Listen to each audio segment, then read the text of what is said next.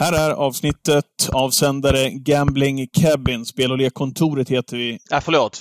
Fan, Kör du ljudtest igen? Skämtar jag, du eller? Jag trodde jag kunde köra det själv. Förlåt. Kör om från start. Sorry. Sorry. Ska det bli svensk seger eller vad är det frågan om? What the horse, what the driver! Ja, här är den.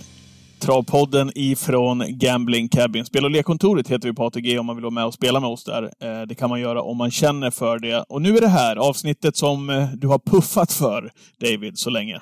Ja men alltså jag kan knappt visa mig i Travsverige om, inte, Nej, om vi inte fick inte. till det här avsnittet där vi skulle prata, resonera om catchdrivernas nya uppsättningsavgift. Det är ju väldigt mycket åsikter i Travsverige. Kanske lite uppförstorat tycker vissa. Kanske inte tycker andra. Det är ändå en grej som berör ganska många, eh, framförallt oss som äger häst. Och därför tycker jag det känns bra att vända och vrida på det och höra liksom alla kategorier. Och därför har vi då bjudit in Erik Adielsson som är catchdriver, en av landets ledande och så har varit i, i ja, men 20 år eh, ungefär. Och ja, Morten Langli som dels har ett norskt perspektiv på det som eh, norrman, för där tar man ju uppsättningsavgifter, gjort i många år. Men även sitter i styrelsen för Courant som har väl, jag tror man äger 123 registrerade travhästar i Sverige varav 39 i proffsträning. Så att eh, lite det perspektivet, för där blir det ändå en sudd rent ekonomiskt. Eh, och så våra perspektiv som lite mindre hobbyhästägare. Ja, Bra, bra summering. Gambling Cabin, David. Kortis där bara. Eh, det är spelstugan och det är, det, det, är mycket. Det är mycket där om man vill gå in och kika om man är lite nyfiken. Man kan göra det. Ja, jag skulle vilja sträcka mig till att det är Sveriges eh, största spelcommunity, va?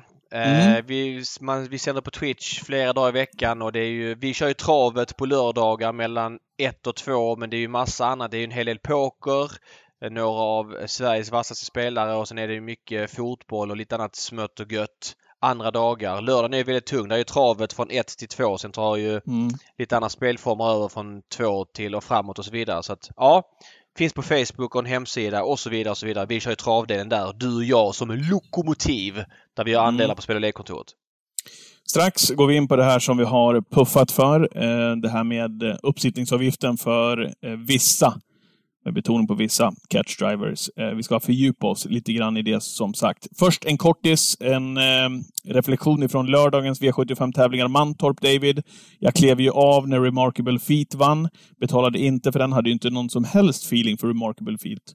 Förresten så blir han väl överstreckad nu på lördag också. Men han fick ju loppet. Han fick ju det där exakta loppet. Det är väl, det är väl bara så där han kan vinna Remarkable Feet när han vann guld i lördags. Ja men så är det och jag rankade också ner dem lite grann på att Disco Volante skulle laddas och då trodde jag att Remarkable Feet kunde få tredje inner och då är det lite svårare. Nu galopperar Disco och då fick han ryggledaren och Johan A. Nilsson körde väl kanske lite för tidigt och ja, Örjan kunde bara vrida ut och vinna ganska enkelt. Eh, vilken, ändå vilken häftig klassklättrare det är Remarkable Feet som har vunnit i många V75-klasser nu och liksom fortsätter mm. att utvecklas. Eh, jag fick ju lite panik där. Det är sällan jag gör sena ändringar men Ja, vad höll du på med där? Ja, det var, det var helt spika, obegripligt. I Expressen spikar jag Champlain, eh, men där tappade jag lite feeling under lördagen och det lämnar jag liksom in på lördag morgon eller det jag skriver Expressen och sen så blev det Sweetman då som jag höll fast vid. Det gick ja, många på den ju men det kändes mm. som att det var spets där.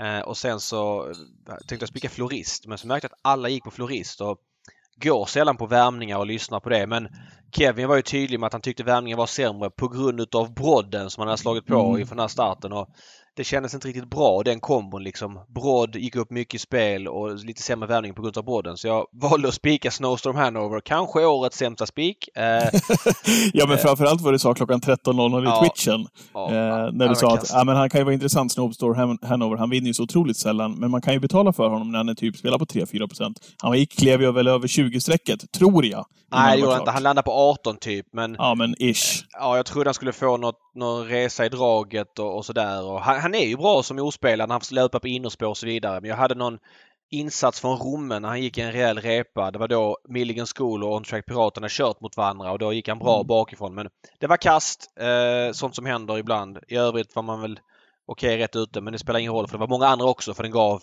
ja, 49 lax är väl helt okej men ja, där ja. bakom på, på 6 och 5 var det ju ingenting. Var det någonting annat ifrån V75 där den dagen eller ska vi stänga den? Sweetman var ju eh, ja, fruktansvärt men... bra men i övrigt var det väl inte... Ja. Ja men exakt. Eh, ja men Dante Cugini tyckte jag uh, gjorde... Ja, återkom på den. Återkom på den. Vi ja. återkommer på den. Okay. Senare i podden. Ja, jag har lite där. Jag har, du har lite, lite där. där. Ja. ja, jag har ja. lite där. Ja, men Sweetman, tänk dig honom. Han har ändå utvecklats. Men han var favorit i någon klass 1-final för ett år sedan och vann den och man tyckte att men nu har han slagit i taket. Han bara fortsätter utvecklas. Jag menar...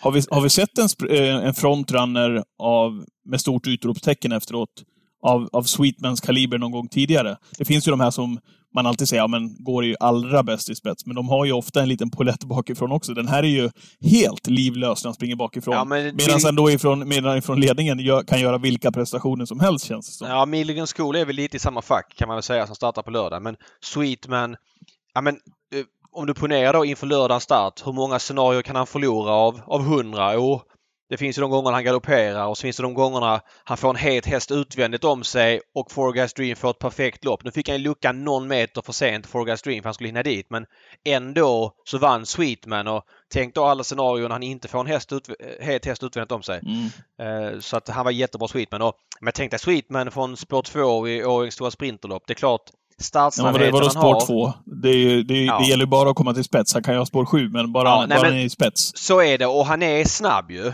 Det är inget snack om saken. Mm. Sen om han från spår 2 kan hålla ut en sån som clickbait eller sådana hästar från spår 5. Det är möjligt att det kanske inte är så men i, i, i, spets över kort distans. Men han är bra över medeldistans och också över mm, lång mm. distans. Mm. Men han har ändå en nivå till över kort distans. Nej, fortsätter ja. han utvecklas. Vilken otroligt häftig häst och vilket ja. jobb Lars Nilsson och hans team har gjort. Och det ska bli kul att följa honom för att det är inte så långt kvar tills det blir gulddivisionen om det nej, fortsätter så här.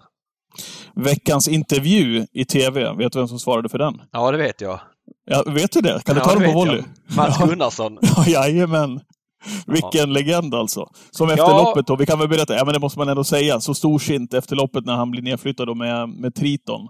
Där Wagger Sacker vann tillsammans med Torbjörn Jansson. Han var ju först i mål, eh, Gunnarsson med Triton, men blev då nedflyttad efter att ha varit tight på upploppet. När man har brutit ner lite grann tyckte domarna.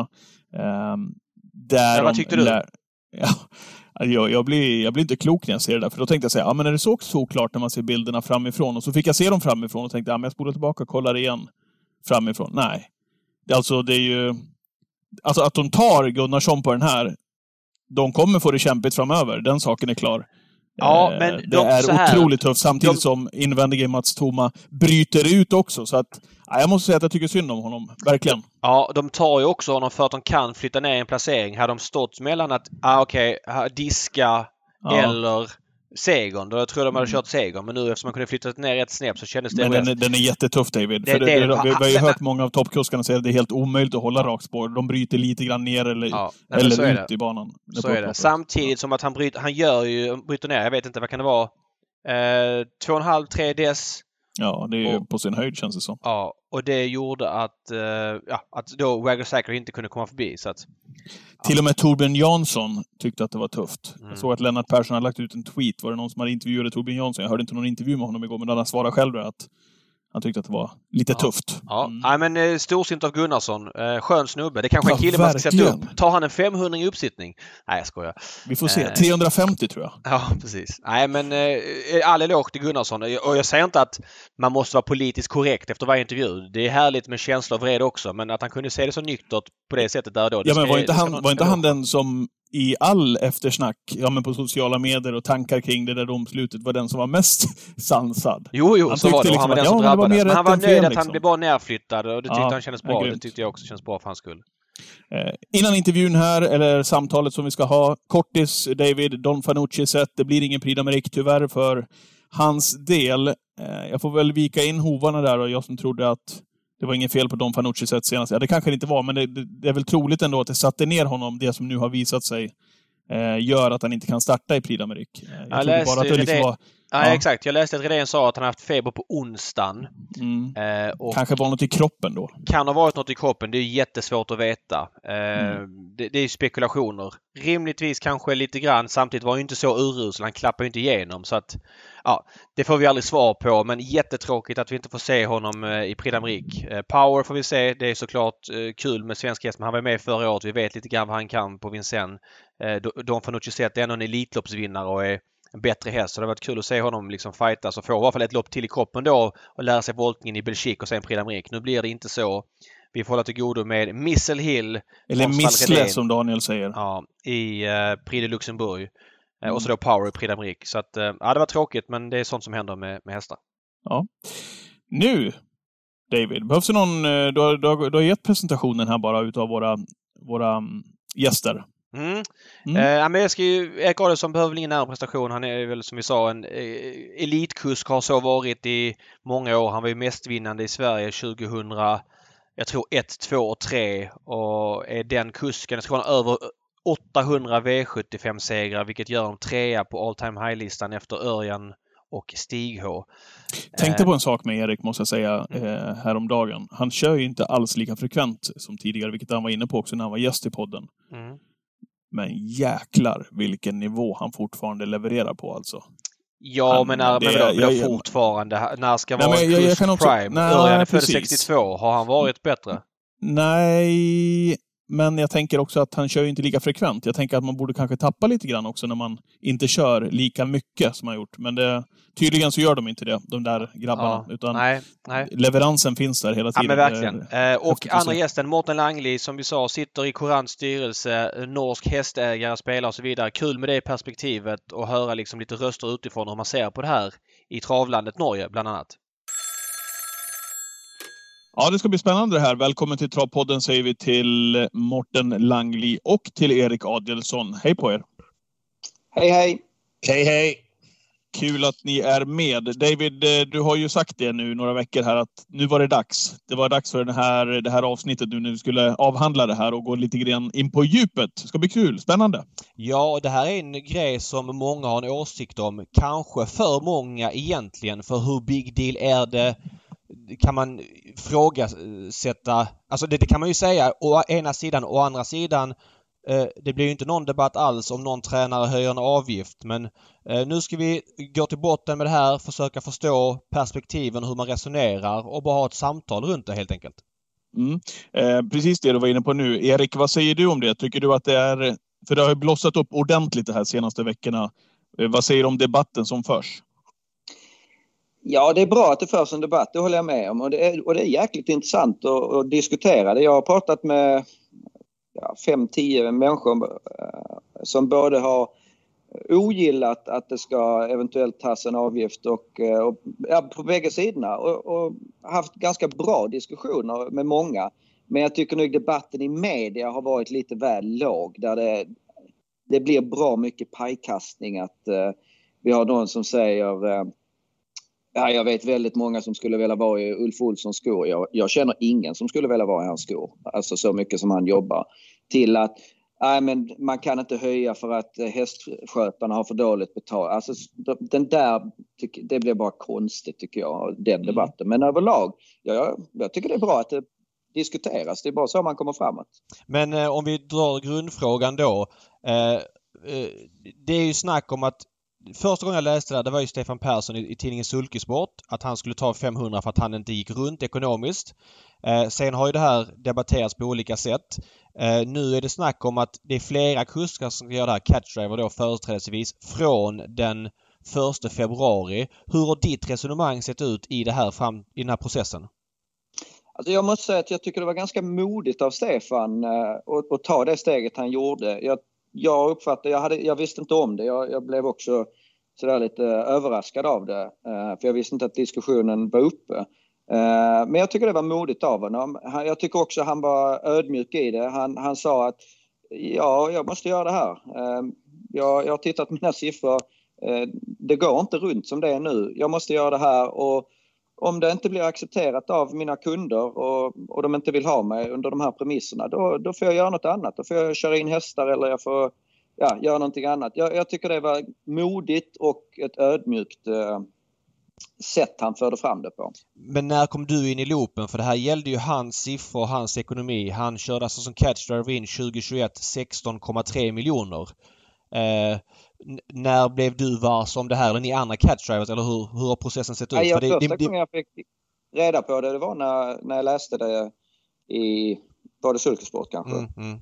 Det var första gången. Sen veckorna efter, det är klart att det diskuteras både bland ägare och, och tränare och kuskar.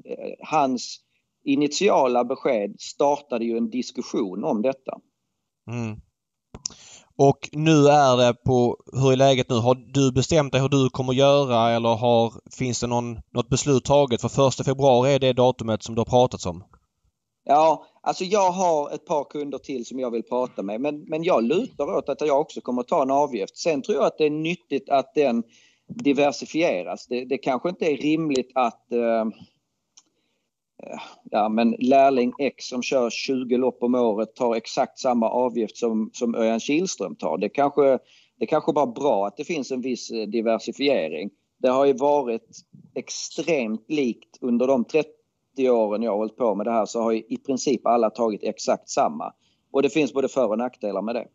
Eh, Mårten, vi, ska gå in djupare, ja. Ja, vi ska gå in djupare på det. Mårten, du som eh, sitter i Korans styrelse, stor hästägare, eh, Eh, följer travsporten i Norge eh, med lupp såklart. Vad säger du om diskussionen om vi börjar där? Alltså, det är en intressant diskussion. I Norge så har vi haft detta systemet sedan 1960-talet. Då var det väl en, inför, in, en avgift som blev infört med tanke på att eh, uh, kuskene, tränarna, skulle stå för utstyret i hästen och därmed skulle ta en uppsittningsavgift. Och sånn har vi haft uh, hela vägen fram till nu. Och, och systemet i Norge fungerar sånn som det skisseres att det ska fungera i Sverige, med att det är marknaden som eh, bestemmer. bestämmer. Kuskene tar én pris för eh, lokaltrav, och vanlige vanliga travdagar, och så tar de én pris på Bjerke och, og, V75. Och typ en sån kusk som Vidar Hop som kör noen av hestene mine, han tar da 500 kronor i en uppsittningsavgift på V75 och på Bjerke. Och då får han ju 5 av inkört om han kör för eh, en A-trener. Kjører han en amatørtrent hest, så får han jo da 10 direkte. Sånn, sånn, fungerer i Norge, og har fungert i, i, mange år. Og noen er litt forbanna på den uh, oppsitningsavgiften og mener at uh, Litt sånn som debatten har vært i, i, Sverige, at de har den beste jobben og bare reiser til og fra trav osv. Og, så videre, og, og skummer fløten. Men uh, jeg syns jo at de skal ha betalt, ja. Når de, de reiser fra Tønsberg til Gjøvik en fredagskveld for å kjøre om 16 000 kroner, så är det väl fair att uh, eh, hästägarna är med och täcker bensinen. Det är ju lite andra förhållanden i Sverige med tanke på att de kör om, uh, om större pengar. Men det är i alla fall kort förklarat hur modellen är i Norge och hur den har fungerat uh, sedan 1960-talet. En fråga där Mårten. Uh, är det väldigt standardiserade priser att eh, säg de 20 främsta kuskarna, tar de ungefär samma betalt i uppsittningsavgift och i procent inkört? Ja, det är lite eh, uh, litt, men jag tror det ligger mellan samma satser som det snackas om i, i Sverige. Att dessa toppgutta tar mellan 350 och 500. Men det gör ju också då en tränare. Alltså, Hvis säger har en häst i träning hos Geir Vegard Gundersen, och han kör min häst i ett lopp, så tar också han uppsittningsavgift för det. Så all, alla tar det. Mm. Och eftersom det har funnits så länge så finns det inget alternativ i Norge utan det är någonting som ni är fine med liksom, ni är hästägare? Ja. Eh, en fråga på det då. Du sitter alltså i Courants styrelse. Courant är en storhästägare i Sverige. Hur kommer Courant som bolag resonera nu eh, när den här avgiften eventuellt då kommer att tas ut på olika håll?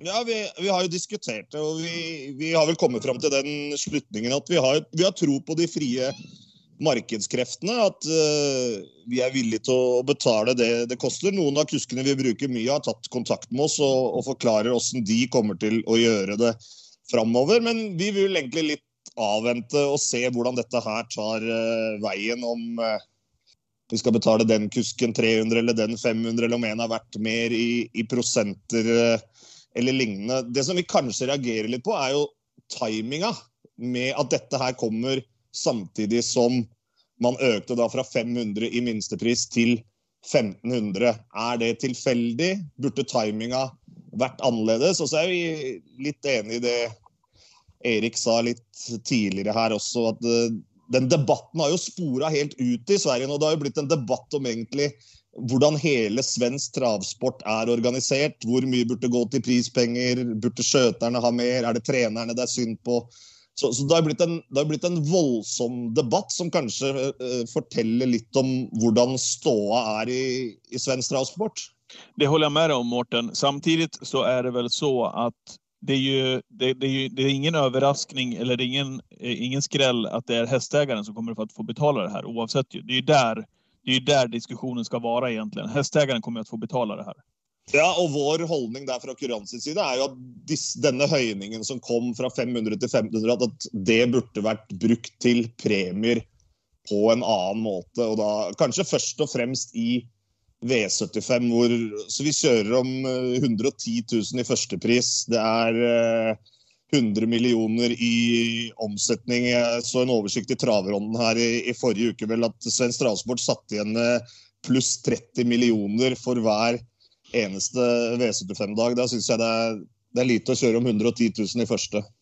Mm. Mm.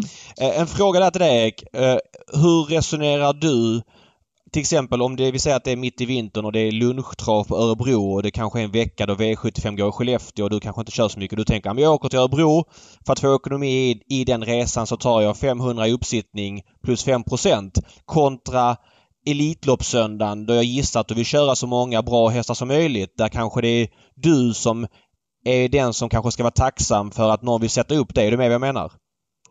Jag förstår precis vad du menar och, och det är lite gungor och karuseller. Jag har ju haft eh, eh, 20 kronor i resekostnader in till Solvalla och vunnit kriteriet med 4 miljoner. Mm. Eh, men jag har också tagit mig till Skellefteå en lördag och eh, övernattat och hyrbil och flyg och så vidare och, och betalat 6-7 tusen för det. Vilket betyder att då ska jag köra in 120-140 tusen innan jag är break-even. Så att det, det, jag, jag, förstår precis vad du menar men man måste ju ha någon slags eh, man, man måste ju göra sin budget och vad, vad, vad kommer jag runt på? Det, det är väldigt, väldigt svårt att börja när det är anmälningar till V75 på söndagen och, och så, Säg att du, eh, eh, David, vill använda mig på din häst. Mm. Ja, men ska du till Skellefteå?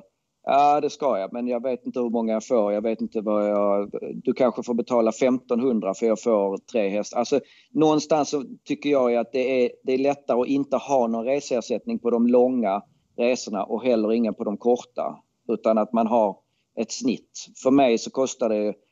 Det kostar samma att använda mig på Solvalla eller om jag åker till eh, Boden. Eh, ett motargument är, om vi tar då Stefan Persson som exempel, för att han berättar att han inte gick runt på sina 16 miljoner inkört. Eh, ni, ni som pratar om att ta ut en avgift, ni catchdrivers, ni, ni ligger ju på olika spann inkört. Du till exempel kör in 27 miljoner. Eh, hur skulle du säga att du klarar dig på den ekonomin i din budget? Jag klarar mig jättebra. Alltså jag, jag har det fantastiskt bra ekonomiskt och det finns ju x antal till kuskar som har det väldigt bra. Jag skulle säga att det kanske är minst fem, max åtta. Eh, fem stycken som klarar sig jättebra och det blir, det blir verkligen över. Mm. Eh, tre, fyra till som, som klarar sig bra och har eh, ett ja, relativt ovant bra leverne för, för att vara i travsporten. Där bakom är det väldigt, där bakom är det svårt. Jag, jag, jag kan bara gå, ja, förlåt. Nej men då, då är frågan krast. Alltså om ni säger att ni klarar att ni går bra och hästägarna i många fall har det tufft ekonomiskt. Alltså nu, nu blir jag lite djävulens advokat här men... Ja men det är bra. Är det, det rimligt då att eh, ni som säger att ni klarar bra och med all rätt vill jag säga har skaffat er snygga eh, dresssponsorkontrakt för att ni syns mycket i media och så vidare. Men eh, är det ni som ska ta mer betalt då på hästägarens bekostnad eller ska du låta Stefan Persson ta sin 500 för att han då i dagsläget kör in 16 medan du kör in närmare 30 kanske ska avstå? Nej men det är, det är en jättebra fråga och det, där är, det, det här är fruktansvärt lurigt för jag, jag klarar mig bra, absolut. Eh, jag, jag har ingenting att gnälla på men det blir lite eh, det blir, om vi ska ta någon annan än mig men som är i någorlunda samma situation så blir det lite konstigt om eh, Örjan Kihlström inte ska ta någon uppsittningsavgift alls. För då, då kommer ju de styrningarna, även Stefans styrningar, kommer ju Örjan att få chansen på. Och då är ju frågan, är det nyttigt av att alla styrningar, alltså att de kuskar som har det bra, att allting styrs mot dem för att de tar inte ut en avgift. Jag, jag tror inte att det skulle vara bra för travet om jag ska vara ärlig. Nej, och det här, jag menar då? Ja, jag är helt med och det här bygger ju på att ni som är catchdrivers, att alla ni gör det för att det ska bli en effekt. För om vissa av er gör det bara, ja då blir det ju hål bakom såklart. Då kommer ju ja, men lite det. så blir det. Lite så blir det. Men samtidigt så, jag, jag tycker också att lite intressant är det att vi inte har, att, att, att uh, Björn Goop har tagit i princip samma avgift som Ja men jag, ja, men, jag, jag behöver inte nämna Nej men säg någon som är plats 50 i kuskligan. Ja, ja men precis. Ja. Så lite, lite märkligt är ju det att vi har haft eh, exakt samma branschstandard överlag. Samtidigt så eh, är det lite nyttigt för det, det, det blir väldigt svårt om vi skulle ha 30 olika prissättningar och, och så ska eh, ja, men så den kusk som Morten ska använda på, på Corans hästar på lördag han blir sjuk och så ska Morten ringa 12 samtal för att ta reda på vad 12 olika kuskar tar. Alltså, någon, någon slags branschstandard tror jag är nyttig att ha men det gäller alltså det, att, att 20 stycken skulle gå ihop och, och säga nu måste alla ta det här. Det blir inte bra. Däremot så tror jag att det är nyttigt att diskutera vad är rimligt. Jag tycker också, jag, jag mm. tycker också det är lite, lite synd att, vad ska man säga, de centrala förbunden, och då talar jag inte om ST utan om att eh, kanske hästägarna och Travtränarnas riksförbund, alltså att man inte har satt sig och tagit en nykter diskussion kring det här. För jag, jag har faktiskt inte pratat med någon som, som i grunden är tokig på att eh, kuskar eventuellt ska ta en uppsättningsavgift. Däremot så själva sättet man så att säga fick reda på det är väl kanske mer det folk har reagerat på som jag uppfattar det. Men Erik, där du säger att det ska finnas en branschstandard. Var det inte det du sa att du ville komma ifrån först? Till exempel att Örjan Kihlström kan ta 500 kronor för att köra en häst medan kanske en lärling på plats 50 inte kan ta 500 utan kanske bara kan ta 100 i uppsittningsavgift. Är det inte den diffen man vill åt? Jo, men jag säger inte att jag vill åt den diffen. Jag säger bara att det är konstigt att den inte har funnits. Jag, jag tror någonstans att det finns fördelar med att man ungefär vet vad kuskar tar. Eh, jag tror faktiskt det finns fördelar med det. Jag, tror att det, det kommer bli ruskigt stökigt om vi har 50 olika prissättningar. Men eh, tror du det Erik? Jag tänker så här att det är precis som när jag väljer travtränare så säger jag att ja, men den här tar det här, den här tar det här, den här tar det här och sen är det upp till hästägaren själv att sätta ja, sin häst i träning. Men Erik, nu, nu, nu, har jag, nu har jag chansen på V75. Nu får äntligen min häst starta i V75. Ja men fan, här vill jag betala Erik. Han är dyr, men jag vill ha bästa möjliga eh, chansen här. Medan man liksom kan välja en annan kategori kusk om man är i ett annat lopp där det är 15 000 i första pris till exempel. Ab absolut, och så, det är mycket möjligt att det landar där, hela den här eh, diskussionen.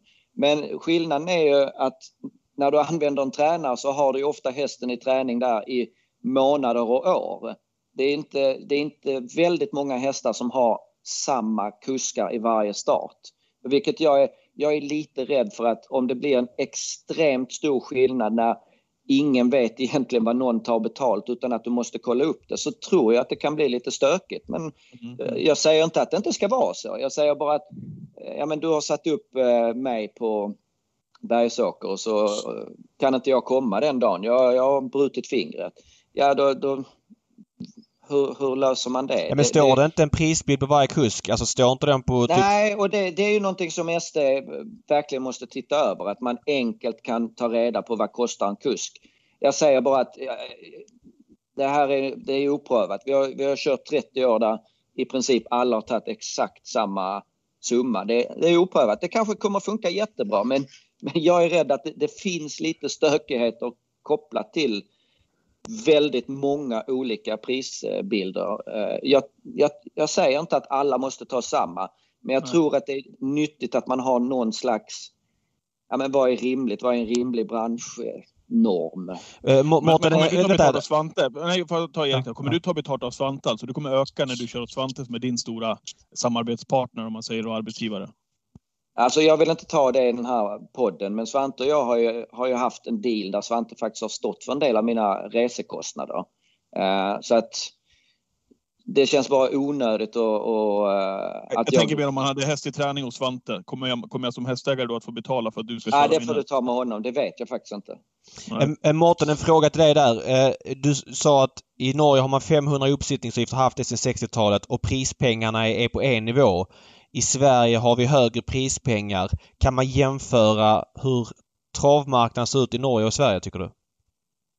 Nej, det kan man inte. Dere kjører jo mye mye større penger. Nå har det ikke vært 500 siden 60-tallet, for det hadde vært mye, men det, er på 500 det er på 500 nå. Men det er ikke sammenlignbart, det, det markedet som er i, i, Norge kontra Sverige, med at dere kjører om så mye større prispenger. Men, jag jeg har tenkt på en ting, Lite litt sånn som når det blir innført her i, i Sverige her. Kan vi få tilsvarende situasjoner i travet som det vi har i galoppen på, på verdensbasis. Og de, de, største gutta der som enten er jo kontraktert med en trener, sånn som Erik forteller litt om nå, at han har en deal med Svante Båt om at de deler uh, reiseutgifter osv. Eller at de aller største gutta i, i galoppen, sånn som uh, William Buch, Michael Barcelona, de er slags fast ansatt av Godolphin, kjører på provisjon i tillegg. Kristoff Sommion for Aga Khan. Altså, det er jo ikke helt utenkelig at uh, noe sånt vil, vil forekomme etter hvert. At det blir, det blir uh, sterkere konstellasjoner for å, for å, sikre seg disse gutta som da man mener er verdt prisen å betale. Man har vel kanskje trodd at det har vært noe lignende i svensk trav med Ørjan Kihlstrøm med som kjører da for Svea Finans, men vraka vel faktisk Magic Tonight i eliteloppet for å kjøre Nuncio. Så det, det hadde vi ikke gått for disse gutta som jobber for uh, Aga Khan og Godolphin. Så det er, det er en, en viss, viss skilnad der foreløpig. Men det er ikke helt ulikt, utenkelig at det kan være en utvikling som drar sig den vägen då? Ja men det, det måste... För, vänta David, ja. bara för att lägga till. Det, det finns ju Sverige är ju nästan, tycker jag, om det skulle vara så att det är en uppsittningsavgift i Sverige på 200 eh, eller 500, men någonstans där. Eh, så är det ju, Sverige ligger någonstans mitt emellan då. Vi har mycket bättre prispengar än Norge men jag vet ju svenska kuskar som betalar 50-60 euro i Frankrike till kuskarna där. Och det är, har jag inte hört någon skälla på. Men du Erik, skulle det kunna vara en deal Eh, som Mårten sa att säg att du är kusk 15 i Sverige på listan men eh, du lyckas få till en deal med Stefan Melander.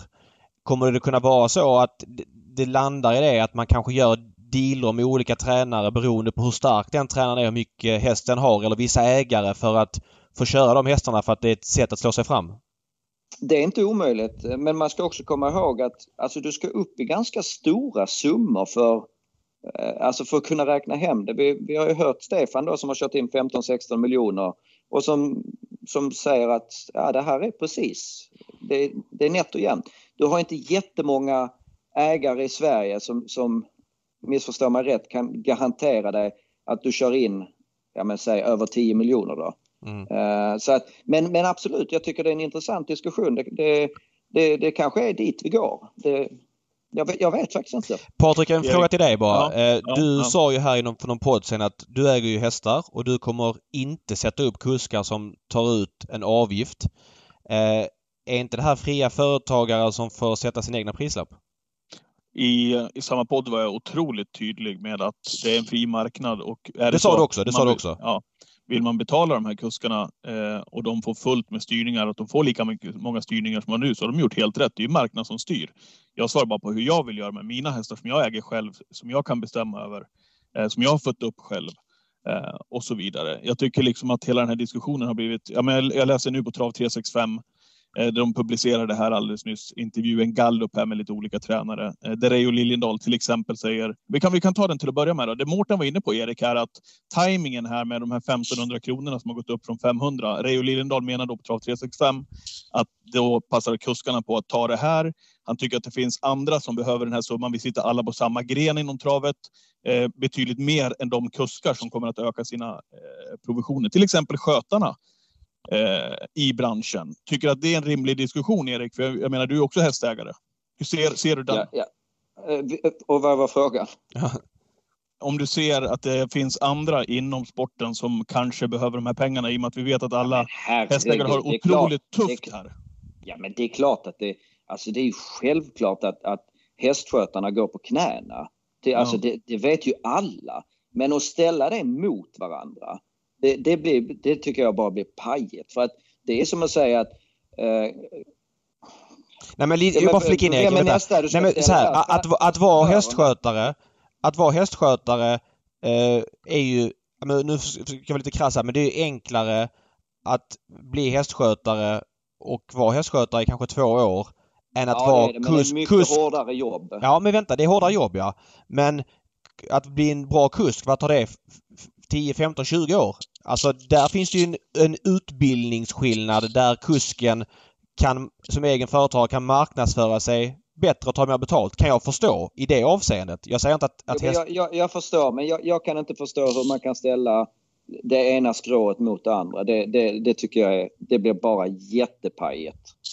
Kan du utveckla den tanken lite mer? Hur du, alltså du, bara för att det är två yrkesgrupper eller för att det är helt olika? Jo, eller? men, jo, men alltså så att så jag skulle inte kunna säga att eh, jag behöver, ja, men, om vi tar Stefan Persson, han säger jag behöver ta ut en uppsittningsavgift för att klara mig på det här. Mm. Han ska inte kunna göra det för att eh, en tränare i Romme eller eh, Visby eh, betalar för dåligt utsäljningsavgift eller traktamente till sin skötare. Det, det, det, är inte två... Alltså det ska inte vara två... Det, det blir så konstigt att säga att eftersom den här människan inte eh, har 40 timmars vecka så kan inte den här heller höja. Det, det blir jättepajigt. Det, det är klart att vi allihopa skulle tycka att det var bättre vi hade 3 miljarder i prismedel än 1 miljard. Det är kanske där vi ska börja. Att, att, alltså, det är ju lite så att när krubban är tom så bits hästen. Mm. Uh, och det, jag menar, den här diskussionen uppstår ju för att Stefan börjar med att säga att Nej, men jag, jag fixar inte det här, jag får göra någonting annat. Jag, jag vill som en sista utväg testa att ta en uppsittningsavgift. Klarar inte mina kunder av det, då, då får jag göra någonting annat. Det är där som jag upplever att diskussionen börjar. Eh, jag menar diskussionen med skötare, det har vi vetat om i flera år, att, att de går på knäna. Kanske framför allt arbetsmässigt och tidsmässigt. Inte lika eh, monetära uttryck, även om det också finns. Men bara för att referera till den intervjun där Patrik på Travtech Sven. Mm. Reo är ju den här egna företagaren som arvoderar sina skötare. Om han då tycker, kan jag tycka att hans skötare har, eh, ja men han har svårt för skötare. Ja då får han väl som alla andra branscher försöka betala lite mer, eller? Men det är ju ja, också svårt. Och öka priserna mot hästägarna, det är dit jag vill ja, komma. Men precis. Ja, nej, men, absolut. Alltså, det är det jag menar. Ska, ska man inte kunna... Skulle, om du tar 450 kronor om dagen men, men känner att nej, jag, jag, måste, jag måste ge mina skötare lite mer pengar. Jag måste höja till 475. Då ska du inte kunna göra det för att man ska säga att men häst, hästägarna går på knäna. Alltså, det, det, blir konstigt det där. Om du börjar med att sätta priserna för, efter vad som är, finns i prismedel. Alltså, det, jag, jag, tycker det blir en bakvänd diskussion. Det blir ju en diskussion för att man slåss om samma pott pengar. Det är ju prispengarna ja, ja. det ska komma ifrån. Eh, därför, därför jämför man. Men du jämför ju inte i andra branscher för då kommer kanske pengarna från andra, andra håll. Eh, mm. Jag tycker i det avseendet att det är två olika jobb och jag landar i att eh, catchdriversarna sätter sitt pris då. Och så får vi se hur det blir. Det, vi har resultatet börjar smyga sig på. V75 på lördag, V75 1. Ulf Olsson har varit ordinarie kusk bakom Arch Lane hur länge som helst eh, I anmälningslistan uppsatt Daniel Wäjersten, bara han en etta. Jag mässade eh, Oskar Westberg då som jobbar med Jennifer Persson som tränar hästen. Hur tänkte man här? Och han svarade bara att det är hästägaren Bror Byggnads som har great skills hos Redén som eh, ja, stärker samarbetet med honom kort och gott. Jag mässar, eh, eller inte Redén, förlåt, Wäjersten, förlåt. Jag mässar Wäjersten, tar du uppsittningsavgift kommer du göra det? Och han svarade nej jag kommer inte göra det. Eh, jag kommer eh, köra på samma provision. Däremot så kommer jag undvika att värma hästarna eh, åt andra när jag kör åt dem så att de kuskarna då som kanske tar provision på uppsittning kanske då, där kan man ställa högre krav på, på, att, eh, på att de ska värma. Och, och, och, sådär och det var han tydlig med och där har vi ju, ja men kanske, ja, det här är ett, ett litet exempel, men det är kanske ett resultat av vart marknaden kan gå eh, när någon ägare väljer en kusk för att den inte tar en uppsittningsavgift. Der, men der har vi et interessant eh, moment i, i debatten. er jo Når man skal ta disse 300, 400 eller 500 kronene i oppsetningsavgift, hva forventer hesteeieren av catchdriveren? Hva er man nøyd med? Skal de varme hesten? Hvilken type feedback gir de trener, skjøter, eier? Før løp, etter løp? Altså, det, er nok, det, er nok, litt sånn blant grasrota eller i Travsverige at folk føler da at eh, disse gutta reiser rundt, kör kjører hester, tjener penger, men kanskje ikke alle sammen yter topp service overfor dem som betalar gilde. Mm. Nej, och jag tycker det, menar om en kusk då inte ger feedback på hästen Ja, men då får du bara välja en annan kusk nästa lopp ju. Om du är missnöjd med kuskens jobb. Ah, han körde jättebra. Det är en del av jobbet. En del av jobbet är tänk på det här till nästa start. Kanske korta en töm och kanske slå på den skon. Jag vet inte, jag hittar på. Ja men om du inte får den feedbacken som tränare och ägare, då får du väl välja en annan kusk. Och det är där jag tycker att den fria prissättningen eh, blir slagkraftig. Eh, Wäjersten säger då, ah, jag kör utan uppsittning men jag vill gärna undvika att värma eh, hästen. För jag, han menar då på att han åker inte på trav när han inte har egna hästar med utan vill fokusera på dem han tränar själv. Kör gärna åt andra men eh, i det avseendet då vill undvika att värma. Och det kanske är värt en 500 för vissa att ja, men jag vill att du värmer min häst också för att den är lite besvärlig. Och jag vill ha feedback på det. Mm. Kort och gott. Men Patrik, jag måste bara fråga dig. Eh, jag är med på vad du sa där. Du sa där i det avsnittet att ja, det är en fri prissättning men eh, om jag, jag bara ponerar nu. Du har en häst som ska med i kriteriet. Eh, mm. Du kan få Erik Adelsson. Det kostar 500 kronor. Mm. Var går gränsen för för du, du betalar ju jättemycket. Du har ju fött upp hästar. Du äger hästar i proffsträning. Det kostar ju hundratusentals kronor. Den här 500 när hästen väl ska köras i lopp, hur avgörande blir den egentligen?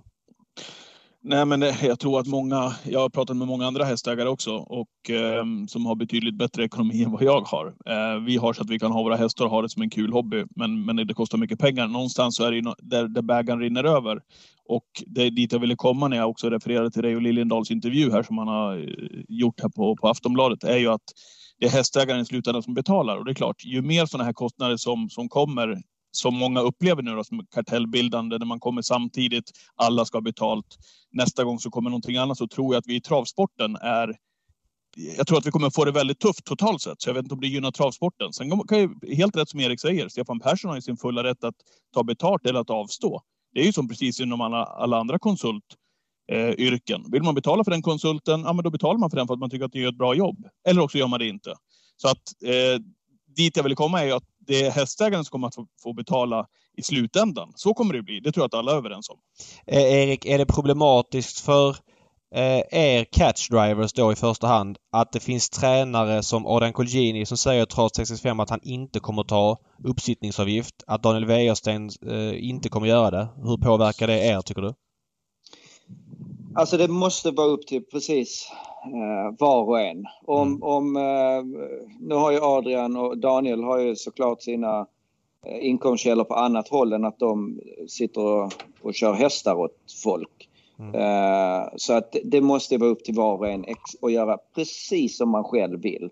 Eh, det, det, det, det, tycker jag är, det är givet på samma sätt som det, det är upp till en tränare om man vill ta 150 kronor i träningsavgift om dagen eller om man vill ta 500 kronor om dagen. Så, så måste det vara upp till var och en.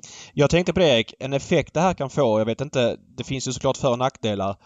Finns risken att eh, ni catchdrivers kommer få köra färre dåliga hästar än innan den här avgiften tas ut? Jag tänker... Ja, det jag, kanske jag, det är. Det, det är klart att den avgiften kommer inte att spela någon roll överhuvudtaget när, när en hästägare har eh, en häst i kriteriet. Men det är klart att om det är, om det är ett lopp med 10 000 kronor till vinnaren då, då kanske den spelar större roll. Så att det, det är klart att det, det, kommer ju slå... Det kommer ju förändra mindre på de större scenerna och kanske mer på de mindre. Jag vet inte vad Morten säger men det, så, så känner jag i alla fall. Vad säger du Morten? Ja, det, det tror jag också. Att uh, han har ett gott poäng där. Men jag, jag tror vi, vi, får la dette systemet gå en periode nå og komme i gang. Og så får man trekke litt slutninger eh, etter hvert. Det er sånn som vi har diskutert internt i, i Kurant, i hvert fall. At uh, vi får se hvilke priser, hvilken service, alt mulig sånn. Og så bruker man da de man er fornøyd med i forhold til den totalopplevelsen eh, man får. Og det får vi jo se når dette systemet har vært i bruk en uh, eh, periode. Og hvordan det fungerer både for eiere og, og catchdrivere, og ikke minst for, for uh, trenerne. Eh, jag drog ju det här i någon podd, David, att om, om, jag, har, om, jag har tre, om jag har tre starttillfällen på en månad till exempel med mina hästar så är det, om jag ska använda den här 500 kronor så är det 1500 kronor eh, i månaden för mig extra. Mm. Eh, för er Mårten som startar eh, hästar varje dag eh, här i Sverige och väldigt många på en månad. Korant pratar du. Korant, ja, precis. Ja. Så kommer det här slå enormt hårt på kostnadssidan. Eh, vad säger du om det? Eller kommer ni göra de här egna avtal med olika kuskar eller kommer det liksom att gå på den här tariffen? Det har vi ikke diskutert helt konkret hva vi lander på der, men selvfølgelig blir det en stor ekstrautgift for eiere som har veldig mange hester. Så der, der, kan jo være spørsmålet da. Da må man jo vurdere det litt sånn som dere har vært inne på. Odds opp imot sjanse. Ok, skal vi bruke den kusken for 500 og den prosentsatsen mm. i det loppet på, på landsorten eh, om et løp med 30 000-40 000? Eller skal vi ok, sette opp en lokal læring eller satse på en ung gutt som vi har tro på for, for, for framtida. Det, det blir, vill ju göra avvägningar där eh, hela tiden. Jag måste bara flika in där i Patriks säg där. Alltså Courant gjorde 279 starter 2021. En 500 per start. Ja, räknar du så så blir det ju ganska mycket pengar. Det blir ju mm. nästan 130 lax. Räknar du vad Courant har i träningsavgifter på alla sina hästar. Jag tror det är 39 hästar i proffsträning just nu. Då blir det inte så mm. mycket i, i, i längden. Det blir inte så mycket adderat. Nei, det blir, det blir jo egentlig et, eh, et veddemål, det som uh, alt mulig annet. At du, du regner odds opp imot sjanse. da, ok, mm. Vi bruker han til den og den prisen. Da føler vi at uh, det gir oss ikke minst en god kundeopplevelse. Da, men i tillegg da, vi føler at sjansen er større for å, å, gjøre det best mulig sportslig med den og den kusken. Det er jo det man, det jo det man prøver å, å, få til bak hver enkelt hest og ekvipasje. Mm. Alltså nå, någonstans så, jag har verkligen respekt för det här. Jag, jag, jag, jag vet hur det är för, eh, för hästägare och jag vet hur det är för tränare och jag vet hur det är för skötare. Det är, det är ingen som har det lätt. Men någonstans så, så alltså det, det, det, det är som att vi har vänt upp och ner på världen för 300-400 kronor per start. Liksom. Det, alltså det känns ibland som att det har tagit proportioner som, som, att, det är, som att man är ja, för eller mot vaccin. Alltså det är så, det har blivit en sån extremt stor sak av, av det och jag har, än en gång, jag har respekt för kostnaderna. Absolut, vi ska inte underskatta det. Men någonstans tycker jag proportionerna i tonläget på vissa håll. Här tycker jag vi har hållit det jättebra, men på vissa håll så har det blivit Ja, men det är som att världen håller på att gå under för att vissa bedömer att nej, jag, jag vill ta ut den här avgiften.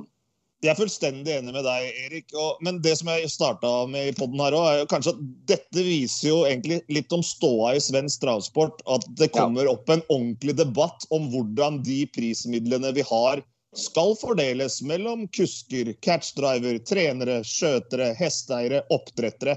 At den, at den debatten blir fruktbar framover. Er vi fornøyd med hvordan pengene fordeles i dag, eller bør vi ha en annen politikk, en annen uh, retning framover.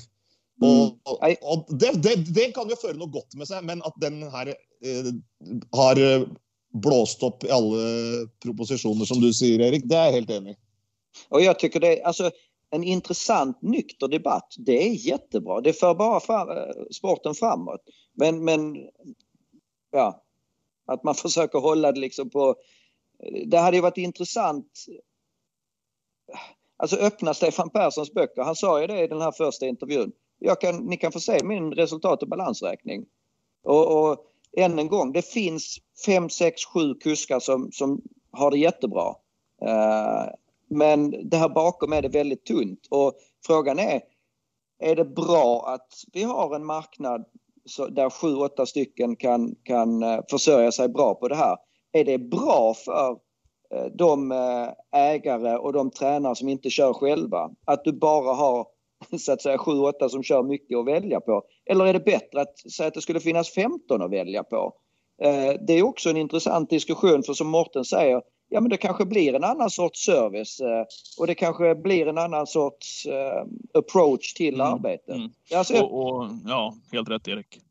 Ja, uh, men jag... Jag är, inte, förlåt, förlåt jag, jag, är inte helt säker på att det är jättebra för travet som stort att du har eh, säg sju, åtta kuskar som, som har bra ekonomi. Jag, jag, tror att det skulle vara bättre för travet som stort om fler hade haft eh, möjlighet att vad säger man, make a living. Ja, det köper jag, men, men det blir ju men, men, jag, men jag har stor respekt för, för kostnadsökningen. Det, det, vi kuskar måste måste vara ödmjuka inför, vad ska man säga, hästägarens eh, och tränarnas eh, syn på det. På samma sätt som man önskar en ödmjukhet från eh, tränare och ägare och, och, lyssna på andra sidan. Mm. Ja, och, och, det är inget konstigt att, att du Erik och, och många andra som tillhör Eh, eliten av, av kuskandet i Sverige, precis som alla andra i, duktiga idrottsutövare, där de bästa tjänar mest pengar. Så ser det ut överallt. Det tycker jag att så ska det få vara.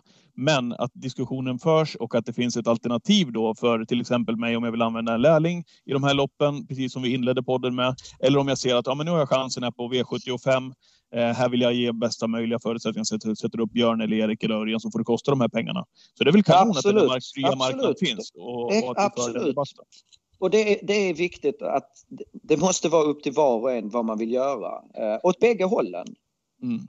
Ja, jag håller med. Att det finns alternativ. För jag fick en känsla för att alla aktiva gick ihop om att man ska ta, eller alla som kör lopp, att man skulle ta det. Men nu verkar det finnas andra alternativ och vissa ska ta 350 och vissa, jag sa Kevin Oskarsson sa i, i travronden att han skulle ta 6% istället för uppsittning och ja, då blir det en olika prissättning. Bara SD kan administrera det här så man ser det. Det är väl det viktigaste.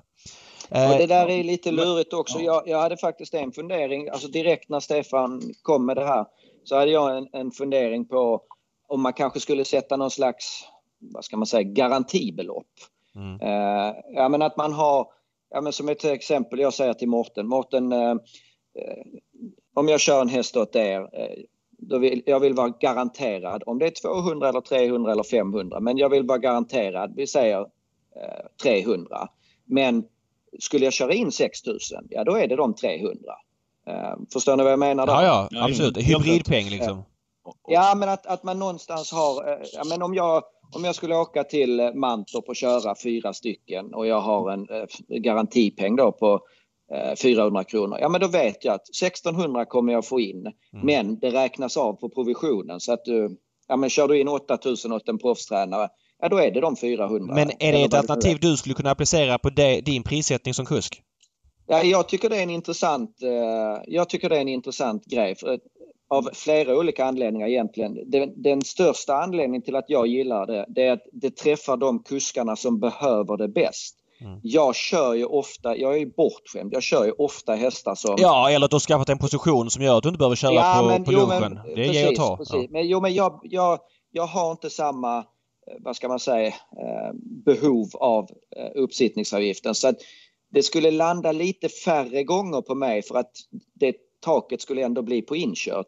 Men det skulle landa lite fler gånger hos de kuskar som, som verkligen går på knäna så att säga. Mm. Och därför gillar jag det alternativet. Jag tror att det är lite problem med TDSen för att det finns inget system för det. Men, men, men det är också en sån sak. Som du sa Kevin pratade om, ja men jag kanske kör för 6% eller ja, Mm.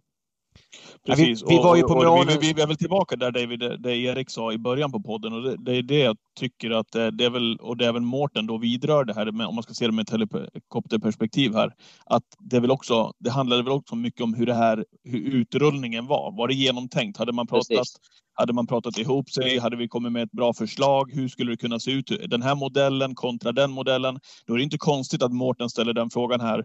Timingen på det här samtidigt som vi ökar den här 500 kronors eh, garantipengen i loppen upp till 1500 så kommer det här samtidigt och så går man ut med det här. Jag tror också att eh, med den utrullningen så har du också fått det här mottagandet och kanske också det onödiga klimatet i debatten som har uppstått. Jag, jag håller med, för jag tycker, de, jag, menar, jag tycker vi har en bra diskussion nu. Man kan lyssna på varandra och ha respekt för varandra. Och jag, nästan alla jag har pratat med har, det är ingen som säger det är inte klokt att eh, någon ska ta 350 kronor. Men som du säger, eh, det, det, det vart en väldigt eh, toxisk miljö i diskussionen direkt och egentligen är det ju bara Stefan som kan svara på det. Han, han sa i den här intervjun då i, om det var början på december eller mitten på december att ja, ja, jag har pratat med min revisor och hon säger att så här ser det ut. Mm. Uh, och därför vill jag göra det här. Och sen, sen blev det en, självklar diskussion mellan ägare och tränare och kuskar. Alla började prata om det här efter att Stefan hade gått ut med det så att säga. Men, uh, men det vore ju sjukt Erik om, om det inte gick att applicera din modell som du sa här om du inte kan ta den för att TDS inte klarar av det. det, det alltså det är då alltså häst, uh, den administrativa interna faktureringen mellan ägare och kuskar och tränare och så vidare. Ja, det kanske vi ska förklara att det, det, det, det är alltså förbundets eh, hjälp med fakturering. Ja. Eh, alltså Svensk Travsports hjälp med fakturering. Jag, jag gillar den, men, men som sagt, det, kanske inte det kanske inte heller är bra. Det kanske... Varför, ägarna varför kanske inte... inte den vara bra? Den tyckte, jag, den tycker jag känns bäst. Jag såg Pilström sa samma sak i travronden. Ja, vad skönt ja. det hade varit att bara kunna gått in och sett också att ja, men Erik kostar det här. Jag ska anmäla min häst dit och säger jag till Redén eller till Jocke Elving eller vem det nu än är. Ja, men jag vill ja, men Erik. Här, här satsar vi på det här. Han kostar det här. Och sen är det precis som ni säger på lunchloppen. Ja, men åk inte dit, eh, ni som inte behöver. Jag menar, då är det bättre att lärlingarna får chansen på det resonemang som du hade nyss, Erik, att det är många andra som får chansen i branschen. Kanske, Fast Patrik, jag måste bara säga det, att, att, det är också lätt att säga. Jag menar om en kusk, säg Rickard N Skoglund, har tre på Färjestad på lunchen men en är en potentiell V75-häst som han vill köra på V75. Då kanske han måste åka dit för att säkra V75-styrningen också. Så det är lätt att säga det från sidan att han, den resan på tre hästar kanske inte är värt det men det kanske är värt det på lång sikt också. Jo men, jo men så är det, nu måste jag hoppa in.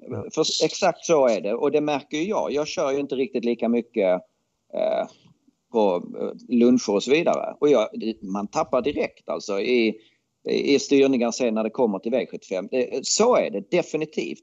Men du måste också ställa det kontra eh, Kommer jag få igen det här om du förstår vad jag menar? Ja, ja alltså, absolut. Är det värt det? Man kan, vi, vi kan ju inte åka på allt. Alltså, jag kan inte åka till Övik varje tisdag på lunchen för att, för att köra en häst för att den kanske... Alltså så att en nykter diskussion omkring vad är rimligt är bra att ha med det i åtanke. Det är ju en viss service. Det är inget snack om det. Att, att man, man måste helt enkelt ställa upp. Mm. Eh, jag tror vi får avsluta den diskussionen där. Eh, för att vi måste säga något kort om V75 Gävle. Erik kör ett par lopp. Mårten har bra inspel i kallblodsloppet. Bra snack vill jag säga. Vi kommer inte fram till något facit men jag hoppas att folk kan få förståelse för hur man resonerar. Och återigen, det är en fri ja. värld vi lever i och det är fri jag, prissättning. Får jag lägga till en sak? Alltså jag, mm. jag tror ju att hade den här diskussionen eh, skett lite tidigare och kanske till och med med representanter från de olika basorganisationer som är idag alltifrån lärlingarnas eh, egen till eh, eh, tränare och kuskar till hästägare. Alltså, jag, jag, tror egentligen inte att det finns speciellt mycket ilska och hat grupperna emellan. Vi måste bara sätta oss ner och, ja men vad är rimligt? Vad är, och hur löser vi det här på ett, på ett vettigt sätt så att det blir okej okay för alla? Jag, jag, jag, tror inte den är omöjlig frågan alltså. Nej, det tror inte jag, jag heller. Bara ett tillägg i den. När man läser många av de här tränarintervjuerna eh, så landar man många i att ah, men vi måste ha högre prispengar. Jo men alltså, det vill ju alla ha. Men, eh, och så säger någon, ja men ATG har gjort bra spelår och det finns ditten och datten. Jo men det finns ju administrativa kostnader som inte är täckta från eh, gamla prispengar som har delats ut och så vidare. Och då landar jag i att, jag menar, har man, tror man att alla allt överskott ska gå till prispengar. Ingenting ska gå till att rusta upp eh, banorna så att publiken på lång sikt vill komma på trav och så vidare. Då tycker jag att man ser enbart efter sin egna plånbok. Eh, får jag bara alltså ta en sak till apropå Eriks sista resonemang här, eller senaste resonemang eh, kring att, man, att det är en viss service som ingår också. Där tar jag väl för givet, ni får väl flika in om ni tänker annorlunda, att de här kuskarna som har gått ut och sagt att jag tar 350 kronor för en lunchuppsittning, eh, lika väl som jag tar 350 någon annanstans när det är V75, eller 500 kronor. De har väl räknat in det i de pengarna att de kan gå miste om hästar som sedermera kommer ut på V75 och så vidare. Det, det, tar, man, det tar man väl för givet att det, det kan ju bli en konsekvens av att också ta betalt de här dagarna. Ja, det utgår jag från.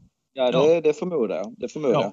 jag. På, samma sätt som att som hästägare, om du eh, dumpar någon kusk som du tycker är väldigt duktig mot någon som till och med betalar för att köra din häst så kanske du inte får samma resultat. Så, så är det ju. Det, det bara göra. Eller det är dags för V75 när jag, när jag har dumpat Erik på lunchtävlingarna och kört min häst hela tiden. Och sen, Erik, kan du köra nu på V75? Nej, ja, men precis. Nej, men det är ju som Morten säger, att det, det får man ju bara räkna för och nackdelar och, och liksom vad är det värt och vad är det inte värt.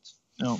Eh, bara kort om V75. Erik, du kör i sex av loppen. Vissa hästar har du inte kört. Vissa hästar brukar du köra. Är det någonting, vi har många V75-spelare som lyssnar på den här podden, som du vill kan säga till dem? Art Brown till exempel körde du för två starter sedan. Det var lite sämre på, på Bergsåker. Tränar Arvidsson skyller på underlaget där. Är det någonting som du också kände? Jag tror att det kan ha varit en del av förklaringen för, för hästen kändes spänstig och fin men liksom lite, vad ska man säga, uddlös. Uh, nu, nu kan ju inte jag hästen sedan tidigare utan jag kan bara jämföra med, med vad jag har sett och hur det kändes. Jag, jag tycker ändå hästen kändes så pass fin så jag, jag tror inte man ska döma hästen för hårt uh, på den prestationen. Nej. Uh, han var ju väldigt bra starten efter för Örjan i finalerna när han körde, visserligen körde invändigt han hade spår 1 men, men fick luckan och flög fram sista biten. Ja, nej jag är inte, alltså jag är inte orolig för formen på det sättet. Vilken häst det, pratar du nu om? Art Brown, V755. 6, ja, förlåt. förlåt. Ja, så jag inte hörde fel. För han körde Excel Brown i första också så att du inte ja. eh, blandade kan, ihop Kan du säga någonting om Global förlåt. Adventure som inte har startat sedan november eh, i finalerna? Ja, jag gillar honom som tusan hästen. Det är så jäkla mysig häst. Eh, sen eh, har han ju spår utvändigt om exempelvis Milligan School. Eh, jag tycker att han, han är nog given där bakom om man skulle känna för att gardera Milligan. Mm. Eh, Dark Row, eller vet du den, That's So Cool har du kört lite grann på slutet. Eh, startsnabb, ja, spår 3. Ja, gjorde det jättebra senast. Mysig häst att köra. Och ja, avslutade riktigt bra senast från dåligt spår. Bättre läge nu och känns väl också som en häst som ja, men är en outsider. Mm. Är det någon annan du vill säga någonting om av dem du kör? Uh, ska se här. Axel Brown, Snygg Rubin, Digital nej, Literacy. De, nej, det är väl de, de tre som jag har kört uh, som vi har pratat om. De är nog enklast att... Ja. ja. Eh, Mårten V75 2 är kallblodsloppet med två norska hästar som är väldigt betrodda. Eh, framförallt eh, 14 Norge men även 9 Gommensfax. Eh, vad säger du om dem? Ja, Det er veldig gode hester. Det er topp norske V75-hester som har gått i en hard klasse hele tida. Ni Gomnesfax den er en rolig story rundt. Det har jo vært en av de store slagerne i norsk travsport de siste to åra. Lars Råum som kjører, er jo en eh, amatør. Han er samboer med treneren Kristine Kvassnes. De kjøpte denne hesten i 2020 og har vunnet 19 løp etterpå. Han jobber som rørlegger, brannmann, skuffer snø med traktor, men har hatt enorm framgang med denne hesten. Da. Så fikk Råum og Kvassnes en liten sønn for et halvt år siden, og han er nå satt over som eier på Gomnesfax. Så det er en utrolig rolig story, og Råum er en ordentlig friskus. Hesten er vindsnabb. altså Den kan gå 1,14 i 500 meter. Eh, Vunnet veldig mange løp fra tet, men eh, jeg mener han er minst like god bakfra hvis han kan spare speeden. Og står jo fint til da i, i spor 9. Veldig interessant proposisjon, faktisk. 15 kaldblods bak eh, bilen her. Kommer til å bli et severdig lopp. Norge litt mer komplisert hest enn uh, Gomnesfax, men minst like stor kapasitet. Ikke like rein og, og spenstig i travet, men uh, sterk, kan vinne dette løpet her på mange måter, men litt komplisert. Du ser at den går nære galoppen flere ganger, men Bjørn Steinseth har et veldig godt tak på hesten. så det er avgjort to seriøse vinnerkandidater i det løpet her. Selv om jeg ser at både Bekkeløs Faron og Solhøydens Drake og ikke minst Kalmar er bra hester. Så et veldig fint lopp, men eh, de to norske der, de, de må med på bongen. Hvis, hvis du hadde sagt at de skulle kjøre rett ved siden av hverandre, da Gomnesflaks og og Norge i, i 2100 meter, så tror jeg Norge hadde vunnet. Men den kunne også galoppert idet han i det Gomnesvak satte opp maksfart. Så to topphästar. Ja. Mm. Uh. För, förlåt, får jag, får jag hoppa in lite David? Jag måste hämta mina tjejer i skolan. Ja, ja, du är fri att rulla. Uh, ja, men, du, men du, Erik, lägg inte på bara. Kan du bara lägga av lurarna? För lägger du på så bryts samtalet. Så jag kommer stänga av samtalet när det är klart. Så du kan bara lägga av lurarna. Mm. Du behöver bara lämna så, du behöver, så att du inte trycker av Skype-samtalet. Låt det rulla på. Ja, jo, jo, jag förstår vad ja. du säger. Jag, jag, bara funderar på... Ja, jag, jag testar det. Ja, toppen. Tack så mycket för att du var med. Tack Vi hörs då. en uh, god diskussion. Ja. Det var roligt. Ja, bra. God tur. Vi hörs Erik. Ja, ja. Tja. Hej då. Hej. då. Um, Okej, okay, för, att, för att det snackas om eventuellt lite, kanske lite stökig bana på Gävle där Mårten på lördag. Eh, det ska bli plusgrader här ett par dagar i rad och så vidare. Och jag vet att Norge har funkat bra på kladdig bana. Funkar det bra för Gumnesvax också? Ja, det vill jag tro. Altså, det är ju hästar som är vant att starta på Biri hvor ofte ikke er toppforhold. og De har gått på mange ulike baneunderlag, de to hestene der. Så er to fantastiske hester, rett og slett. Som, mm. som jo har potensial for å gå opp i eliten. Altså ikke på Odd Herakles-nivå, men altså den, den, klassen, de som er eh, de som er 40 meter bak Odd Herakles. Da. Altså, det nivået der kan de to hestene komme på faktisk i, til uh, eliten. Så det er, det er, spennende å se dem. Jag lovade att du skulle få gå 13.50 för lopp i Cannes. Är det i tid eller? Det går strax ja, eller? Ja, de är på väg in i Volta här. Det är ju löp med starka svenska intressen. Pinto Bob, Weekends High Yield står ju med lavest grundlag. Erik de Il, Empire är favorit sammen med Rafael Malmqvist. Det var det löpet här som eh, som eh, Basir sa at jeg kan jo ikke starte clean game her, for han står jo 50 meter bak Empire, sa han. Og den er jo like god som Ganard de Banville, som skal være med i, i, i Prix. Så han tok, jo, han tok jo eh, clean game vekk fra, vekk fra listen her. Og da har jo selvfølgelig Empire blitt favoritt sammen med Rafa. Da står til 2,80, så jeg. Veld, veldig bra løp. Men dette er Kang Sumer, va? Ja, Kangsimer Vincenna fri i dag, så dette er det sportslig mest interessante løpet i dag. Det er jo et av de største løpene der, ved siden av Grand Criterium de Vitesse. Det er 120 000 euro i, i premiesum. Vi kan kanskje ta dem live her nå, for nå er de på vei inn i Volta. Rafa drar ytterst. Ska, du ska få se loppet Mårten, men jag känner att vi vill snacka mer med dig en annan gång för att det är... Det känns som att du har så mycket perspektiv med att du kommenterar fotboll och travet på lång sikt och så vidare. Så att vi, vi får boka upp dig till någon podd här snart så får vi snacka mer eh, fokus, travet kanske kontra andra sporter.